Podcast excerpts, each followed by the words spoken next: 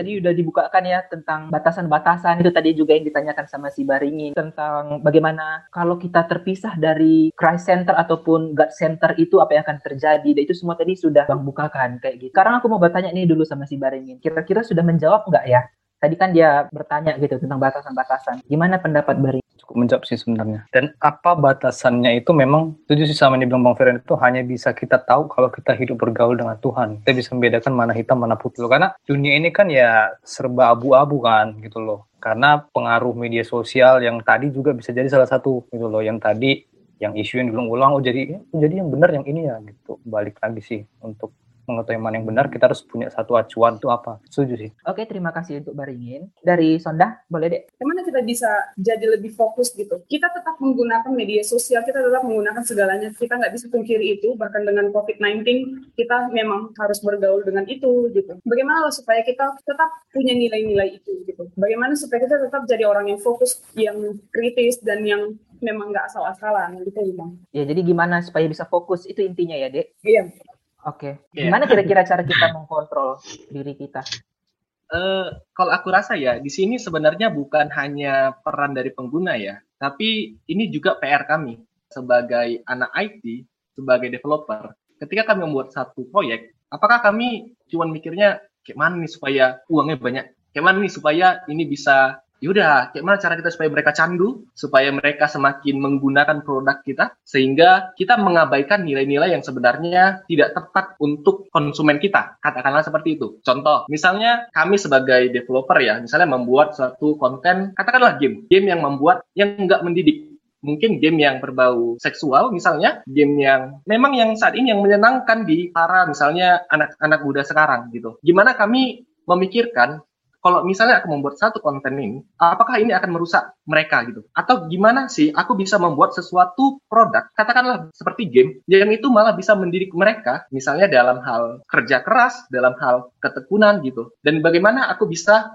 supaya mereka itu nggak jadi merusak gitu. Aku rasa ya memang saat ini teknologi ya, kita butuh memang developer-developer ini buat yang anak-anak IT ya, yang benar-benar cinta Tuhan, yang bisa menghasilkan produk yang memang digunakan untuk kepentingan Tuhan. Nah, itu dari sudut pandang kami yang sebagai IT ya. Nah, lalu bagaimana dengan sudut pandang konsumen? Aku rasa di sini yang butuh di zaman kita sangat kurang ya untuk mengenal diri ya, untuk merenungkan aku ini sebenarnya posisiku di mana gitu. Karena kan ya seperti tadi dibawakan oleh teknologi sekarang cenderung memikirkan apa yang instan, apa yang enak, cuman enaknya melamun gitu. Tapi tidak mengevaluasi aku di mana sekarang. Jadi teknologi sering membawa kita terbang begitu tingginya tanpa melihat bahwa kita sebenarnya masih di dasar gitu. Nah, jadi buat teman-teman yang katakanlah kecanduan akan teknologi, aku mendorong coba lihat, jangan terlalu banyak kesalahan, tapi perbanyaklah waktu untuk mengevaluasi diri. Apakah aku sudah menjadikan teknologi ini sebagai yang terutama di dalam hidupku? Aku rasa ya banyak teknologi sebenarnya bisa menolong kita untuk berkreasi lebih. Ya, kalau dulu kita misalnya mencuci baju ya kan, harus menggunakan manual, sekarang kita sangat tertolong dengan mesin cuci, sehingga harusnya kita bisa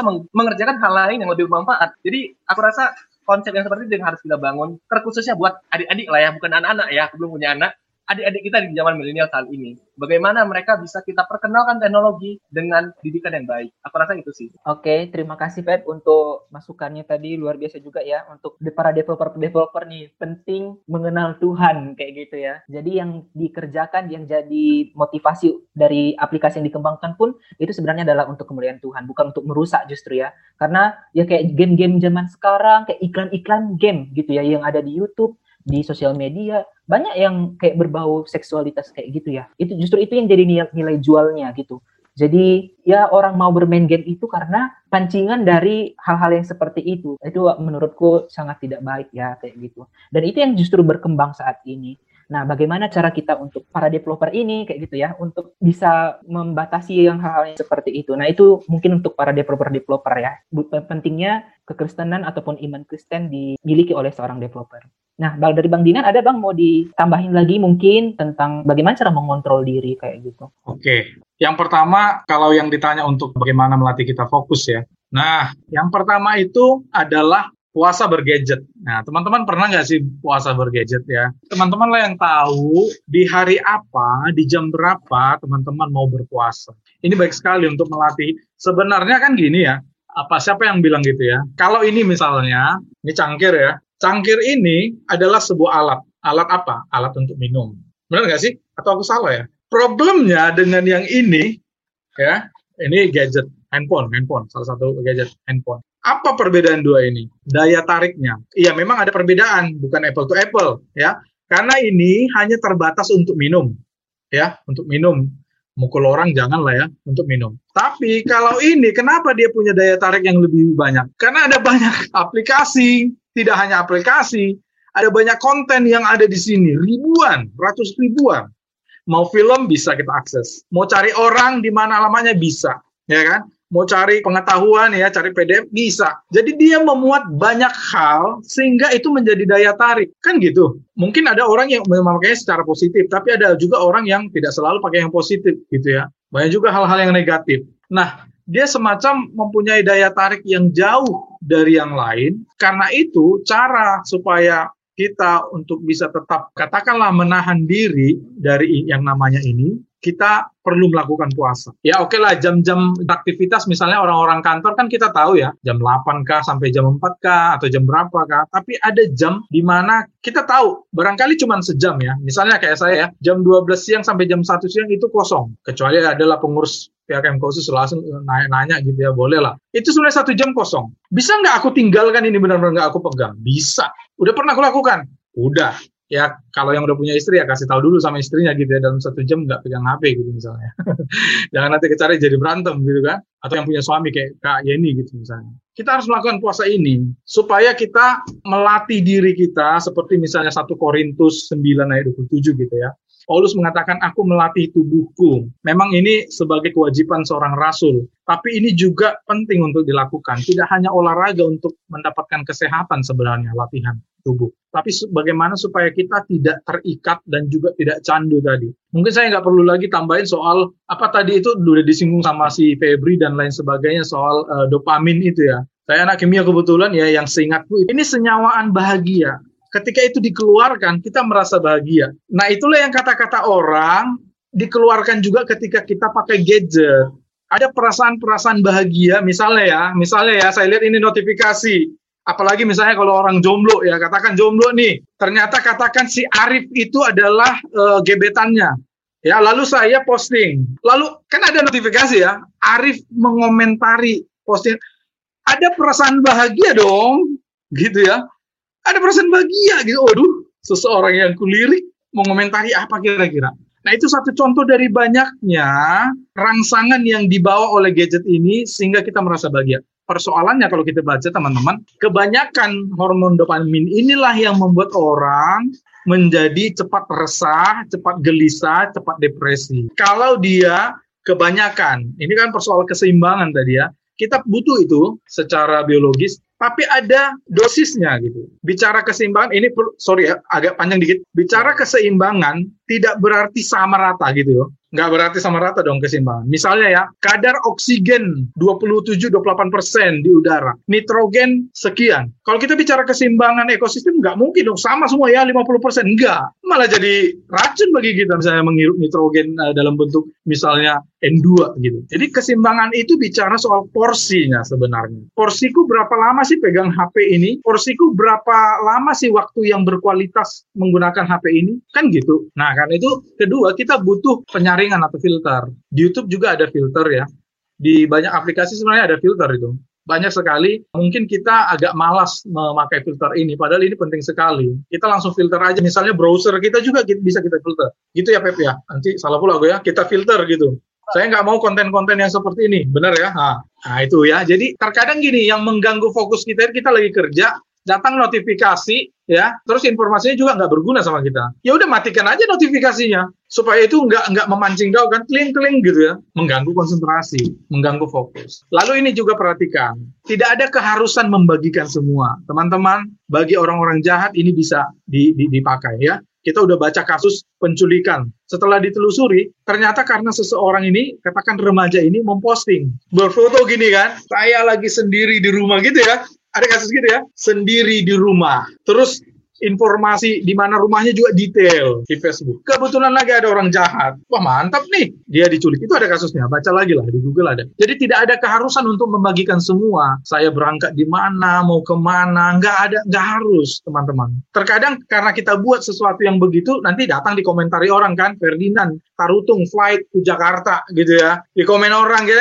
ya emang kenapa kalau di komen, eh selamat ya ke Jakarta, apaan biasa aja gitu ya. Jadi pilihlah mana yang perlu diposting, mana yang enggak. Lalu tidak ada keharusan membaca atau menonton. Banyak berita juga yang nggak berbobot ya. Perhatikan sumber-sumber yang kredibel. Banyak sekali sumber-sumber yang entah apa ya, nama websitenya juga ya, ya. Nama websitenya juga entah apa-apa gitu ya.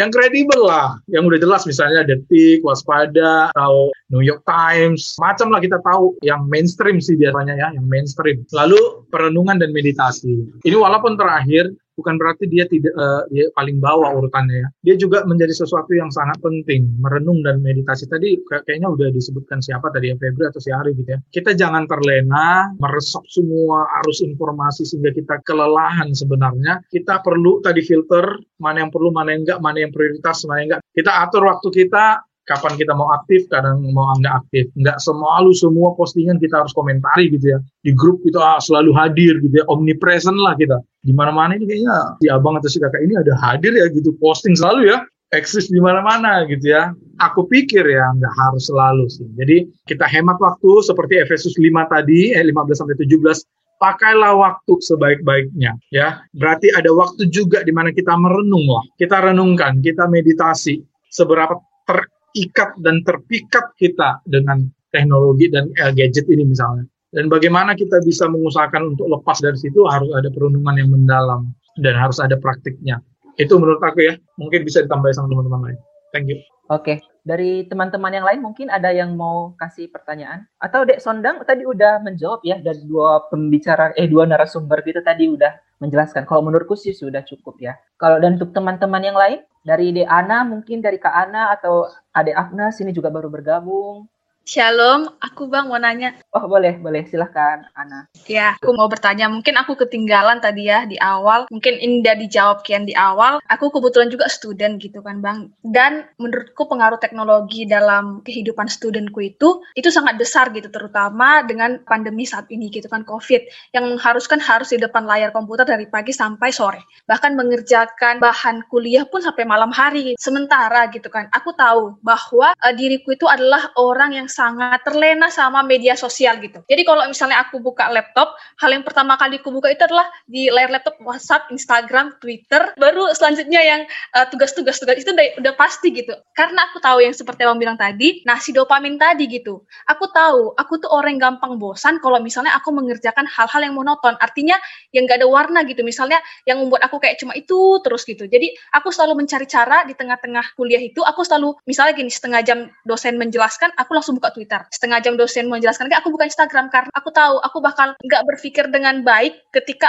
dopamin tadi hilang gitu. Jadi aku selalu, aku tahu misalnya udah setengah jam nih aku buka yang lain-lain gitu. Nah sementara Hal tersebut akhirnya mengalihkan fungsi otakku yang tidak fokus pada pelajaran tadi gitu. Sementara kan waktu terus berjalan gitu kan Bang. Ujian di depan mata. Nah, aku menyanyiakan waktu ketika aku harus fokus kepada uh, pelajaran tadi gitu. Sementara kan waktu terus berjalan. Mata kuliah ini berganti dengan mata kuliah satu, kehilangan fokus. Ternyata aku harus mengulang dari awal lagi supaya aku mengerti apa yang disampaikan dosen. Nah, itu satu masalahnya Bang. Masalah yang kedua itu adalah banyaknya akun media sosial seperti yang kita ketahui ya Bang ya. Sekarang Facebook pun ada story-nya, WA pun ada story-nya, Instagram pun ada story-nya, semua pakai story gitu.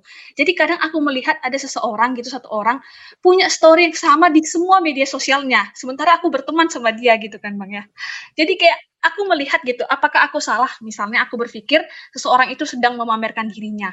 Mungkin dia sebenarnya nggak pamer gitu, tapi aku memandangnya jadi dia pamer atau gimana. Jadi aku pun jadi salah berpikir gitu. Berpikirnya salah gitu. Apakah aku yang salah atau gimana Bang? Atau teknologi itu sendiri yang menjadikan dia seperti itu gitu. Akhirnya dia pun memanfaatkan teknologi itu untuk menyebarkan aktivitasnya setiap hari di semua media sosialnya. Itu yang kedua Bang. Nah yang ketiga itu adalah kebetulan Bang, aku kalau malam itu sebelum tidur, selain baca Alkitab, aku juga buka Instagram gitu bang. Misalnya jam 12 malam. Nah setengah jam sebelum jam 12 malam itu Instagram aku buka bang gitu bang. Aku nggak nyaman kalau aku nggak nengok berita terbaru di Instagram itu. Jadi okay. jadi gimana bang solusinya bang? Kayak gitu. Terima kasih Bang. Ya, jadi ada tiga kayak gitu ya. Tiga hal tadi yang dikerjakan sama si Ana mengenai tadi yang berhubung sama dopamin yang kalau nggak buka itu aku kayaknya susah untuk konsentrasi kayak gitu. Terus ada yang dia ingin jadi sujon atau kayak berpikir negatif sama teman-temannya ini kayaknya langsung gampang menjudge kayak gitu menjudge orang dan berikutnya yang satu lagi susah untuk mengendalikan diri tadi ya harus buka Instagram dulu yang tadi sebenarnya udah diserah sama Bang Ferdinand sih nggak semuanya harus kita baca nggak semuanya harus kita tonton dan nggak semuanya harus kita nikmati kayak gitu. Nah itu gimana pendapat mungkin dari ya Bang Dinan dulu deh boleh Bang mungkin nanti ditambahin sama si Pepe. Ya. ya ya jadi itulah tadi sebenarnya makanya aku bilang tadi the last but not the least ya itu merenung perenungan itu aku cerita lah ya waktu aku sebenarnya hampir kecanduan game Sims itu ya apa yang buat aku akhirnya berhasil berhenti proses pertama itu memang perenungan Betul. Jadi perenungan itu sangat penting di kehidupan kita sekarang dan besok. Jangan lupa untuk bukan marangan-angan ya. Beda dong marangan-angan, aduh gitu beda ya. Itu merenung. Jadi waktu itu aku renungkan, gila dari jam 11 siang sampai jam 6 sore aku main ini gitu ya. Ketika aku merenungkan itu 7 jam, hello gitu ya. Apakah pantas bagiku menghabiskan 7 jam untuk itu gitu? Gak benar ini. Ini udah gak benar. Melalui perenungan itulah itu kan perenungan sebenarnya mengasah kesadaran ya. Kalau orang nggak pernah merenung maka dia tidak pernah punya kesadaran ya. Apa diajak orang ayo, apa yang benar ayo, ayo semua karena nggak ada kesadaran itu kan yang menimbang ya, menimbang. Ini apa? Aku di mana? Misalnya kita terganggu dengan waktu kita kuliah terus sambil-sambil kalau nggak lihat HP gitu ya kita akan merasa resah. Kita harus berhentikan itu. Stop memang ya, memang nanti akan aduh ada sesuatu yang kurang ya. Harus ada dong, harus ada dong uh, hal yang seperti itu. Kenapa? Karena kita sudah sempat kecanduan. Karena namanya candu, ya sama hampir sama katanya dengan kecanduan apa itu namanya kokain gitu ya. Kita hanya akan bisa tenang ketika kita mengkonsumsi kokain gitu. Ya sama dong, kita hanya akan bisa tenang ketika kita buka Instagram itu. Dikatakan juga itu kecanduannya mirip-mirip, bahkan hampir empat kali lipat gitu ya. Empat kali lipat kecanduannya gitu. Ini yang kita kejar-kejar. Hormon bahagia ini yang kita kejar-kejar. Nah, dengan merenung, teman-teman, ya dengan merenung, kita harus percaya kebahagiaan bisa diberikan Tuhan, tidak melalui Instagram. Dulu, sebelum ada Instagram, aku bahagia kok gitu ya. Tapi sekarang kenapa setelah ada Instagram harus dengan Instagram aku bahagia. Itu salah. Itu salah. Dengan tidak ada Instagram aku bisa bahagia. Makanya di di video itu Simon Sinek kan mengatakan dia punya komitmen kalau makan malam dengan teman-temannya. Jangan ada yang pegang HP. Komitmen satu setengah jam kita quality time yuk, quality time benar-benar ngobrol, lupakan HP, matikan ininya biar nggak tenang-tenang gitu. Pertama memang mungkin merasa kayak ada yang kurang, ada yang gelisah. Pertama, tapi perhatikanlah, kau pasti bisa melewati itu. Gitu. Nah, kalau kita sedang kuliah, terganggu dengan itu, renungkanlah, apakah pantas kuliahmu terganggu hanya karena Instagram, yang nanti katakanlah di Sabtu ada tiga jam mungkin kau khususkan waktu untuk melihat itu bisa dong di persoalannya adalah siapa yang menjadi tuan bagi siapa gitu ya harus katakan jelas saya tuan bagi handphone saya saya lemparkan ini sekarang ya boleh saya lemparkan udah saya lemparkan. Saya mau pakai sekarang ya, saya ambil dulu, saya mau chat. Boleh. Saya menjadi tuan atas alat itu. Jadi saya menggunakan alat gadget, jangan menjadi saya diperalat gadget. Gadget itu menarik-narik saya ya. Ayo bukalah, bukalah. Kita yang jadi ngikut gitu ya. Itu lucu sekali gitu. Jangan mau seperti itu. Kemudian respon negatif karena ah, itu sudah diteliti juga. Orang yang nggak siap secara mental jangan sering-sering melihat story orang, melihat update-update orang, wih dia di Menara Eiffel, wih dia udah jalan ke Flores ya, wih aku hanya di sini ya, kerja saban hari hanya seginilah ya. Kalau kamu nggak siap secara mental nggak usah lihat. Kan kamu udah tahu itu nggak ada manfaatnya bagimu kalau hanya itu membuat kau apa tadi katanya kon negatif gitu dia merasa orang pamer. Ya biarlah dia pamer dengan diri dia. Kamu harus bersihkan dulu dirimu gitu ya. Nggak siap untuk itu nggak usah perlu lihat skip skip skip gitu. Atau sama sekali nggak usah lihat. Apa itu sih stalking ya namanya? Entah apalah itu istilahnya. Lalu ya itu juga membuat orang ada penelitian yaitu membuat orang cemas, eh, membuat orang rendah diri. Makanya itu di dua sisi ya teman-teman, di dua sisi ya. Satu kita sebagai korban, satu lagi janganlah jadi pelaku ya. Kalau betul-betul kalian lagi tiba-tiba dapat fasilitas yang mewah gitu ya, perlukah kalian share itu? Sadarkah dengan men-share itu akan ada korban jadinya? Dia merasa, waduh, atau apa pentingnya sih men-share itu gitu ya? Kalau kalian mau berfoto, simpan di dokumen kalian, tidak ada yang melarang gitu ya. Perlu kebijaksanaan juga sih ya, nggak, nggak segampang itu, tapi perhatikanlah gitu. Pertimbangkan lagi lah gitu, mana yang perlu saya share, mana yang nggak perlu. Lalu yang ketiga adalah, ma, ini adalah tanda-tanda memang sudah kecanduan Instagram. Kecanduan Instagram. Ada orang sebelum tidur dia oke okay, baca Alkitab dan berdoa. Banyak orang kan memang misalnya kayak kita misalnya di dekat kita ya kita tinggalkan handphonenya. Kalau memang adalah lebih baik bagi kita letakkanlah handphone itu jauh-jauh supaya ketika terbangun atau apa kalian agak agak malas harus diri mengambil itu gitu ya. Selain masalah radiasi elektromagnetik gitu ya. Biar kita nggak langsung gampang gitu. Jauhkanlah dia. Dengan menjauhkan itu menjauhkan juga pencobaan itu ya. Seolah kan sekarang HP ini kayak kayak menarik-narik kita ya. Katakan no nanti ku buka pada saat aku mau buka. Bilang aja gitu karena itu berhasil bagiku ya. Nggak nanti gue buka. Ya mungkin kadang kadang ada orang yang kecarian, betul. Tapi apakah itu masalah gitu ya? Setelah 2-3 jam kita respon, gue rasa nggak masalah ya. Atau buat status, tidak boleh diganggu sampai uh, dua jam bisa juga kan? Supaya orang paham gitu. Mungkin itu juga bisa menolong. Tapi tadi aku mau menakiti sedikit ya tadi sama yang disampaikan bang Dinan gitu. Yang tadi mengatakan bahwa tunggu siap dulu mental kita untuk menggunakan itu baru kita gunakan kayak gitu. Jadi di sini kita sangat penting untuk mengetahui kelemahan kita. Kita harus sadar dan juga mengerti bahwa kita ini lemah gitu. Dan jangan sampai jatuh menjatuhkan diri kita ke dalam pencobaan yang tahu kita di situ lemah. Ya. kata Paulus dalam 1 Korintus 6 gitu ya. Segala sesuatu itu halal ya. Everything is okay gitu ya. Tetapi nggak semua itu berguna. Tujuh dong kita ini? Masa semua berguna gitu ya? Kadang kita juga lihat orang kok bisa 10 juta view ya padahal videonya apa sih itu gitu ya teman-teman pernah lihat itu uh viral banget ya sampai sekian ratus ini tapi apa sih isinya gitu ya kita nggak ngerti gitu ya kita kayak disconnected gitu bedanya uh, kita dengan orang lain apa dong gitu. Maka ada patronnya gitu. Maka segala sesuatunya itu yang berguna. Makanya aku bilang tadi, jangan sampai kita pada tahap popularisme dan viralism.